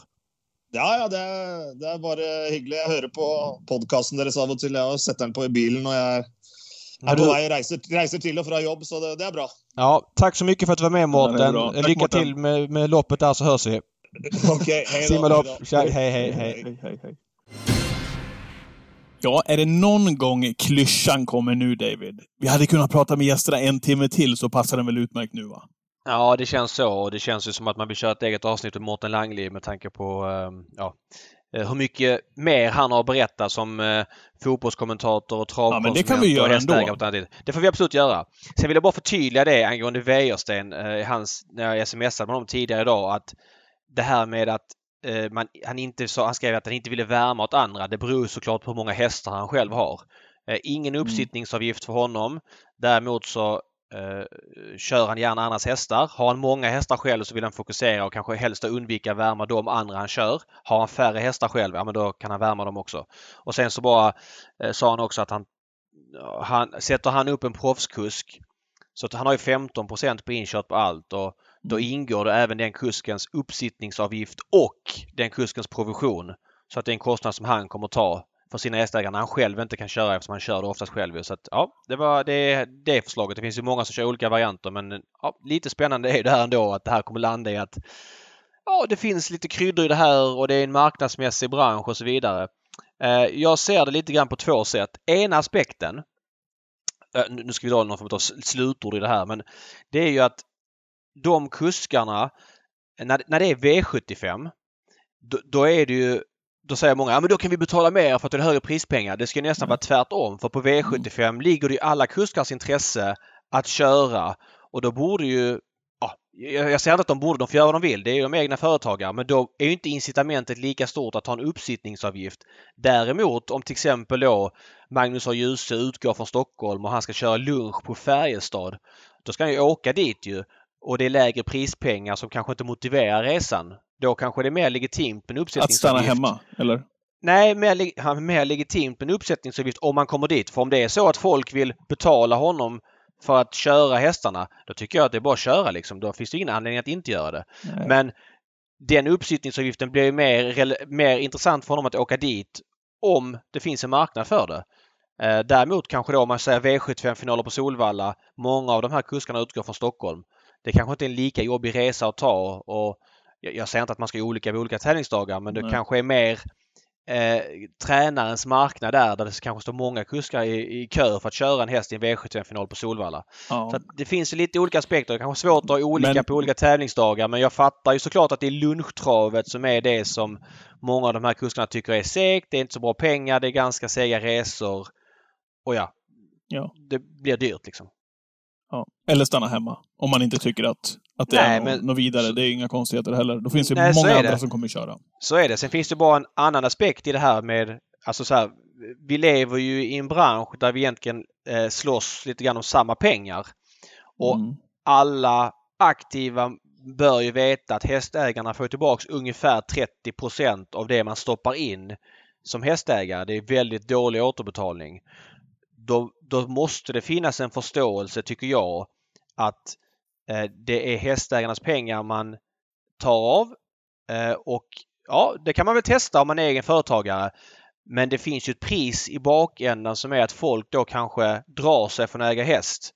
Att den potten är begränsad. Det är svårt att liksom köra faktura på faktura på grejer och lägga på saker för att till slut får hästägaren nog. Och får hästägaren nog, då har vi ett mycket större problem och en helt annan diskussion än att catchdriverna ska ta ett par hundra i uppsittningsavgift. Och det måste man ju veta om som aktiv att den pengapåsen är ju begränsad. Uh, vi tävlar liksom om samma pengar. Ja, så, att, ja. och, och, och vart i hierarkin är kuskarna? Alltså det, det du säger nu, är det säkert på vem, vem är det som ger uppdrag åt vem? Vem är konsult åt vem? Alltså, Nej, vi, man, kan ju, man kan ju koka ner, vi kan ta det, för att göra det enkelt för oss, utan, ha, utan att punktera det, utan att ha en aning om hur Daniel Redén och Örjan Kihlströms deal ser ut. Så kör ju Örjan Kihlström Sveriges bästa hästar åt Sveriges bästa eh, stall, mest framgångsrika stall. Är det Daniel Redén som ska ta betalt för att någon kör hans hästar? Är det Nej. hästägaren som har den absolut bästa hästen i kullen?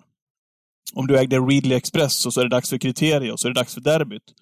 Vem vill köra Readly Express? Det kostar tusen spänn att köra honom. Mm. Det finns Nej. de som skulle räcka upp handen och skicka in ja, men jag vill köra Readly Express. Eller ja. finns de som också skulle säga att jag betalar för att köra åt Daniel Redén. Så att... Nej, men, nej, men och så är det. Och så tror jag det kommer vara. Återigen, jag vet inte heller hur det ser ut mellan vissa och Erik sa att han inte hade bestämt sig och inte snackat med alla tränare ännu. Men om vi bara ponerar så finns det ju såklart en win-win både för Daniel Redén och Örjan Kihlström. Men även då för Erik Adielsson och Svante Båth. De har allierat sig med varandra.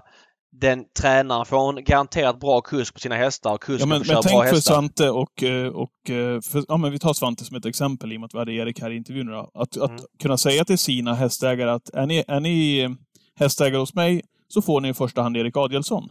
Mm. Eh, och så kostar det ingenting. Utan det är liksom en, en garant som, som Svante kan, ja. kan lämna till sina hästägare och Erik kör åt Svante, vilket jag antar en bra affär för, för Erik också att få köra Svantes hästar. Ja, men såklart, såklart. Så att den, den aspekten finns ju definitivt och det borde ju ligga i allas intresse. Ja men såklart och vi vet ju inte hur de här dealarna ser ut mellan de största men, men som du säger det, det är väldigt intressant för kuskarna att köra de bästa tränarnas hästar. Så att jag, jag tror att det kommer vara lite olika nu gissar jag bara, jag har ingen aning. Men det borde ju vara så att de tränarna som är bäst bör kunna ha någon form av eh, deal slash förhandling mm. eller något liknande. Det är vad jag tror. Uh, utan att ha någon som helst koll. Ja. Det, det är den fria marknaden eh, som, och det kommer att styra eh, vem vill betala för det här. Ja, men det kommer visa sig givetvis. Det jag tror är att det är många som kommer ta chansen, eller borde definitivt ta chansen på en fri marknad eh, alla kuskar där ute som inte är med i det här och tänker ta någon uppsittningsavgift. Ta chansen, köra bra hästar och utvecklas och få köra hästar på V75 framöver. Ni är många där ute som eh, kan passa på att verkligen raffa åt sig andelar här. Likväl de som tar betalt. Ja, ja nej, nej. Det är fri, återigen som sagt. Ja, nej, det ska bli spännande att se. Det kommer hända grejer som vi har sett redan att det skiftas på, på lite olika håll och som vi nämnde tidigare i intervjun. Mm. Så att ehm, det, det är ju krydda till i travet från och med den 1 februari som ska bli spännande att se vad det landar i. Ja, verkligen. Ja. ja vi följer det såklart. Ska vi dra igen den, eh, den eh, butiken så länge? Ja, för den här gången i alla fall. För den här gången, se. Ja. Det kanske kommer tillbaks till den. För all anledning att göra det. Ja, kanske. Eh, V75 nu på lördag ifrån Gävletravet. Hade du någonting därifrån? Eh, fastna lite grann där för, för Mårtens Surre kallblodsloppet där. Ja, den här Norge är ju fruktansvärt stark och skulle banan bli lite krävande så borde han ha en bra Men chans. lät det inte ännu bättre på den andra? Jo, men det var mer storyn tycker jag. Ja, okej. Okay, kanske han sålde in den bra. Rörmokaren som kör. Ja, exakt. Eh, din favorithäst du trodde skulle vinna kungapokalen är med. Briac Dark, nej förlåt, Bitcoin Dark heter han, mm. kommer tillbaks. Vad är, eh, vad är status på honom egentligen? Inte startat sedan i somras väl? Ska ta upp ja, honom. nej men det är väl så många av andra Nurmos hästar. Man får ju räkna med att han är nära 100% direkt. Eh, När de kommer ut, han bra ja. hästar. Ja. ja. men den saken är klar David. Där står jag fast. Vad är han i? Brons eller klass, klass 1 till och med? Han är klass i klass 1. Ja. ja. Men det är ju det är en formalitet givetvis. Ja, det är inte säkert. Eh, Borups Tornado var väldigt bra i Sylvesterloppet senast. Borups vem? Nu, Borups Tornado. Okay. Eh, helstängt huvudlag nu, jänkarvagn, spetsläge. Jag tror inte att Uffe släpper om han kommer till ledningen. Sen Art Brown som jag har gått blivit väldigt förtjust i. Han känns ju som en otrolig löphäst som verkligen vet vad det här handlar om. Alltid mm. bra. Eh, jag är inte så säker på att den blir så lätt att slå. Däremot kanske ett bra lås i de tre då. Oj, blir han bara 30% tror du bitcoin eller sticker han iväg? Nej, jag tror inte de andra kommer att spela. Sen är det någon finne där från bakspår som är lite svår att sätta in. Ilos Zanzibar med Ilka Nurmonen. Han kommer i angeläget ärende får man ju tro. Men det är klart, bakspår på Gävle mot tre väldigt bra hästar för klassen. Milligan kämpar på. Han ska ut i guld som stor favorit. Ulf Eriksson upp igen kan vi notera. Mm. Örjan är ju avstängd eh, mm. för förseelsen i, vad var det, Prix de Bretagne där när han ja, ansågs ha stört Chicadeo. Så att han körde Men även Ljuse har ju varit uppsatt en gång också ja, efter jag vet, jag vet, jag vet. Men, men, men uh, Uffe Eriksson tillbaks tycker jag är kul. Uh, mm. Det var ju, har ju varit han som har kört Milligan School flesta gånger i karriären. Jag tror att Milligan School är helt stenklar på, på lördag. Milligan School ger ju ett väldigt tråkigt intryck många gånger. Jag tycker jag har kommit ganska rätt på honom. När han känner att han rår på dem då är han sugen, då gör han bra lopp. När han känner att eh, det här är inte så kul när han springer bakifrån eller som senast när han fick en, en seg dödens men halvhet Lucifer Lane i ledningen. Då la han ner rörelsen fullständigt 700 kvar. Här tror jag att han kommer köra till ledningen ganska tidigt i loppet och sen så kommer han bara tugga på. 2,6 känns bra. Visst, Global Adventure har inte startat på ett tag och det är några okej okay till men, men Milligan School i spets. Även om han kanske har passerat Zenit, han är ändå nio år mm, mm. nu, så, så är han 90% av vad han var på Romme så borde han vinna det där från spets. 32% på Bitcoin Dark, David. Ja, kul för dig Patrik. kul för dig. nu går man igång. Ja, ja. vad härligt. Mm. Eh, vi nöjer oss där. Twitchen ja. kommer till er klockan 13.00 på lördag. Eh, det har ni koll Twitch. på. Twitch.tv och så skriver man Gambling Cabin i fönstret så kommer man till vårt snack. Travsnacket klockan ett.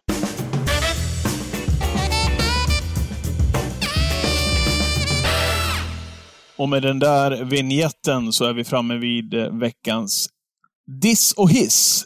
Och det är, ja. du, det är, David, det är David Diss som ska köra igen. Vi tar det i den ordningen och jag det, börjar med att dissa. Och jag har varit inne lite på det här tidigare men jag tycker att det måste ske en förändring till den här hösten. Jag vet ju att tävlingskalendern är lagd för 2022 men jag börjar bli rätt less på lunchtravets vara och icke vara. Inte för att det är något fel i lunchtravet i sig. Jag fattar att eh, folk tycker det är kul att spela på lunchen och, och, allt det där. Men lunchtravet gör ju att färre hästar startar på kvällarna på V64 och sen så tar V64 lopp eh, hästar från V86 och då blir V86 ledning. Så alla tre har ihåliga lopp. Det blir en väldig utspridning av hästarna och på vintern så finns det inte hästar att tävla med på lunchen och att tävla med på kvällen. Då blir det liksom lite ihåligt. Det blir för mycket starttillfällen. Mm. Visst, det blir några hästar som inte får starta alls men dåliga hästar ska vi inte hålla på med på, på travets huvudspelformer för att de vinner inte ändå och loppen blir ihåliga. Utan det är bättre att de som är liksom mellanbra och ganska bra möts. Så att det blir roliga och spelvänliga lopp och att det tävlas i loppen. Eh, lunchtravet på vintern kan man steka till förmån för Vincent till exempel när vintermeetingen drar igång i november. Under den perioden kan man köra då lunchtrav de dagarna Vincent inte kör. Eh, och sen så lägger V4... Nu, nu, nu, nu är jag inte med ta det där igen. Ska vi inte köra lunchtrav i Sverige när Vincent kör? Jag tycker på vintern. Jaha. Säg från november till eh, mitten på februari. Då men är alltså, det, väldigt... det är Kalle Kula som är ute och kör på lunchen. Han har väl ingenting med Vincent att göra? Nej, men Kalle Kula, hör du inte vad jag säger? Kalle Kulas häst kan ju starta på kvällsbanan istället. För att där är det så ihåligt och sen kvällsbanan gör att V86 blir ihåligt det finns ju inte, det finns ju för mycket lopp på vinterhalvåret. Hästmaterialet räcker inte till. Har du inte sett det? Det är ju sju hästar i varannat lopp och sju, tio, nio, tolv mm. i något år och sen så åtta. Alltså det är hela tiden på vintern är det tunt. Tar du bort lunchtravet så måste de hästarna starta på de andra spelformerna och då blir ju de loppen mer välfyllda. Självklart kommer det vara hästar som inte kommer med i loppen för att starttillfällena blir mindre men de hästarna, mm. ja, de får hålla till i breddloppen i så fall liksom. Eller jobba hårdare med propositionerna kanske David? Att man liksom inte förlikar Nej men inte bara, också, ja, men inte bara propositionerna. Det blir för mycket starttillfällen. Lunchtravet går vi plus minus noll på. Den tävlingsdagen betalar sig själv ungefär. Mm. Men, men travet tjänar inte pengar på lunchtravet och det är i princip starttillfällen som försörjer sig själv med den dagens spel. Men på vintern så sabbar ju lunchtravet för andra delar av travkalendern. Då menar jag på att eftersom intresset för fransk travsport är så pass stort, V4 på Vincennes omsätter ju 600 000 mm. Skippa lunchtravet på, på det från mitten på november till mitten februari, de dagarna Vincennes kör på lunchen. Och så får man då köra svensk lunchtrav andra dagar så att självklart ska ATG ha erbjuda, kunna erbjuda spel till folk som vill spela. Ja, men och då... starttillfällen är väl i grund och botten. Jo, men start... hör du inte vad jag säger? Det är jo, för mycket starttillfällen liksom. Ja, det är för men... mycket starttillfällen. Jag fattar att man inte kan jämföra Vincennes med, med Svenska travet, men någonstans måste vi landa i att loppen på vardagarna och på V86 under vintern har ju varit för ihåliga. Ja. Det är ju en trend som har kommit mer och mer men exceptionellt mycket den här vintern. Jag tycker då att till hösten så borde man ju kunna, eller nästa vinter, men ändå 2022 borde man kunna stuva om i kalendern för det är inte bra för någon. Det blir inte kul att, att varken kolla eller spela på loppen. Visst, man kan spela V6 på V64 och, och sådär men, men det är ändå en liten tröst. Det blir mindre tävling i loppen så jag tycker lunchtravet ska bantas ner på vintern till förmån för att kunna fylla loppen mer på kvällarna med, på V64-loppen och V86-loppen. Mm. Ja, varsågod hissa. Jäklar vad du gick igång på det där. Jag tänkte först att du menade att Arne Andersson och Kalle Kula skulle ner på Vincennes på vinkeln och köra på kolstybben, men det var inte det du var ute efter. Nej, det var inte det. Eh, vet du vart jag ska landa någonstans i hissen? Jag tror det, för att ja, du var lite det. inne och snackade om det innan. Ja, eh, det är, eh, tycker jag, kul att se utvecklingen hos Dante Colgini. Var det, hjälp mig David, med minnet, var det Dante själv eller var det Adrian eller pappa Lutfi som pratade om Dantes självförtroende här? Han tyckte till och med att det var jobbigt någon gång att åka iväg och köra när det hade gått mindre bra, väl? Ja, absolut. Det var väl, var han Dante sa det själv som berättade det? Det var Dante som berättade det. över att han hade dåligt självförtroende och han sa att det var, ja, eh, det var ett faktum han kände liksom och så vidare. Så att, ja. absolut. Eh, och då, ja men eh, det blir också så att med det efternamnet så får man ögonen på sig direkt när man börjar köra. Ehm, och det är så kul att se Dantes utveckling. Styrningen som man gör då i, i lördags med eh, It's a Girl, den är ju, det är ju travgodis. Det är ju 5 plus styrning om man går in och tittar på det där loppet några gånger. Eh, jag tror att det är en del som har vidrört det också. Det är inte bara att sätta sig i den här positionen och sen tro att... Men ja, även med Minus Ganador innan. Att Just det, han, han var med Olle Elfstrands utanför. Ja. precis. Mm. Och den var ju nära galoppera. Den lyckades han hålla i trav och så vidare.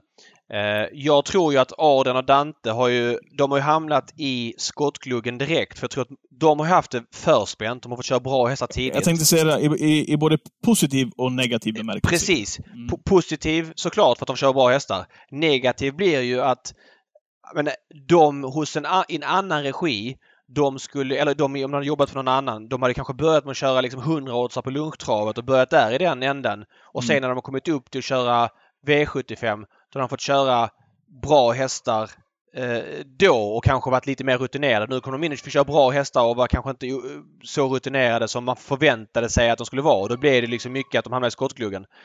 Eh, jag tycker att de, de kör väl så bra som någon annan i, i den klassen. Jag tycker Adrian liksom verkligen visade på V75-finalerna när han körde Prosecco att han, hade, att han har bra händer också. Och ja, återigen det här med eh, uppsittningsavgiften. De ska inte ta uppsittningsavgift och det innebär att de kanske kan slå sig fram ytterligare genom att köra andras hästar. Nu är inte det Adrians prio. Han fokuserar på sin egen tränarrörelse men öppningen kommer finnas de gångerna de åker på trav. Men du kommer mm. inte se Dante på två månader. Nej, för att? Han eh, är hos Lukas Wallin och ska jobba där i två månader. Ah, och okay. snabbt förkovra sig som du säger i travet. I USA alltså? Mm, precis. Han eh, körde in Dante en fjärdedel har han kört in hittills på fyra starter av det han körde in eh, på hela fjolåret under 2021 på 101 starter. Ja. Eh, men kul han kommer tillbaka. Eh, Dante får eh, veckans hiss. Skön figur också. Jag hoppas att det går bra för honom. Eh, ja, vad kul. Att han har utvecklats ordentligt. Håller med. Eh, vad bra. Ja, är, vi, är, vi, är vi nöjda där? Jag hör Bruno i bakgrunden. Är han bekymrad? Jaha, ja han slog faktiskt i huvudet här i någonting men hans mamma var snabbt framme. Jag slapp ja. avbryta podden. Ja, okej. Okay. Du prioriterade podden? Ja, jag såg att allt var lugnt. Så ja, vad skönt. Ja, vad skönt. Ja, men vad bra David. Eh, ja. vi, vi är väl tillbaka nästa vecka, eller? Ja, vi får se hur det blir med det. Australian Open börjar ju här på måndag. Och, Vadå vi mycket... får se hur det blir? Jo, men på riktigt. Det är mycket nätt och sådär. Man får se hur man, inne man blir i den turneringen. Och jag vet inte om V75 går nästa vecka. Det kan vara kanske dags för en veckas paus bara. Vi får se hur vi känner nästa vecka. Vi kör om vi har fil. Är, är det ditt nattsuddande det, det är dags för nu? Det är mitt, dags för mitt nattsuddande, så är det. Eh, Twitch på lördag. Det kör eller, vi oavsett. Eller när jag får se paus. nu. Jag tror inte att jag kan faktiskt. Ah, det är mycket hockey och grejer nu. Vi får, vi får se. Vi siktar på lördag. Vi hörs. Hej. Tack för idag. Hej hej.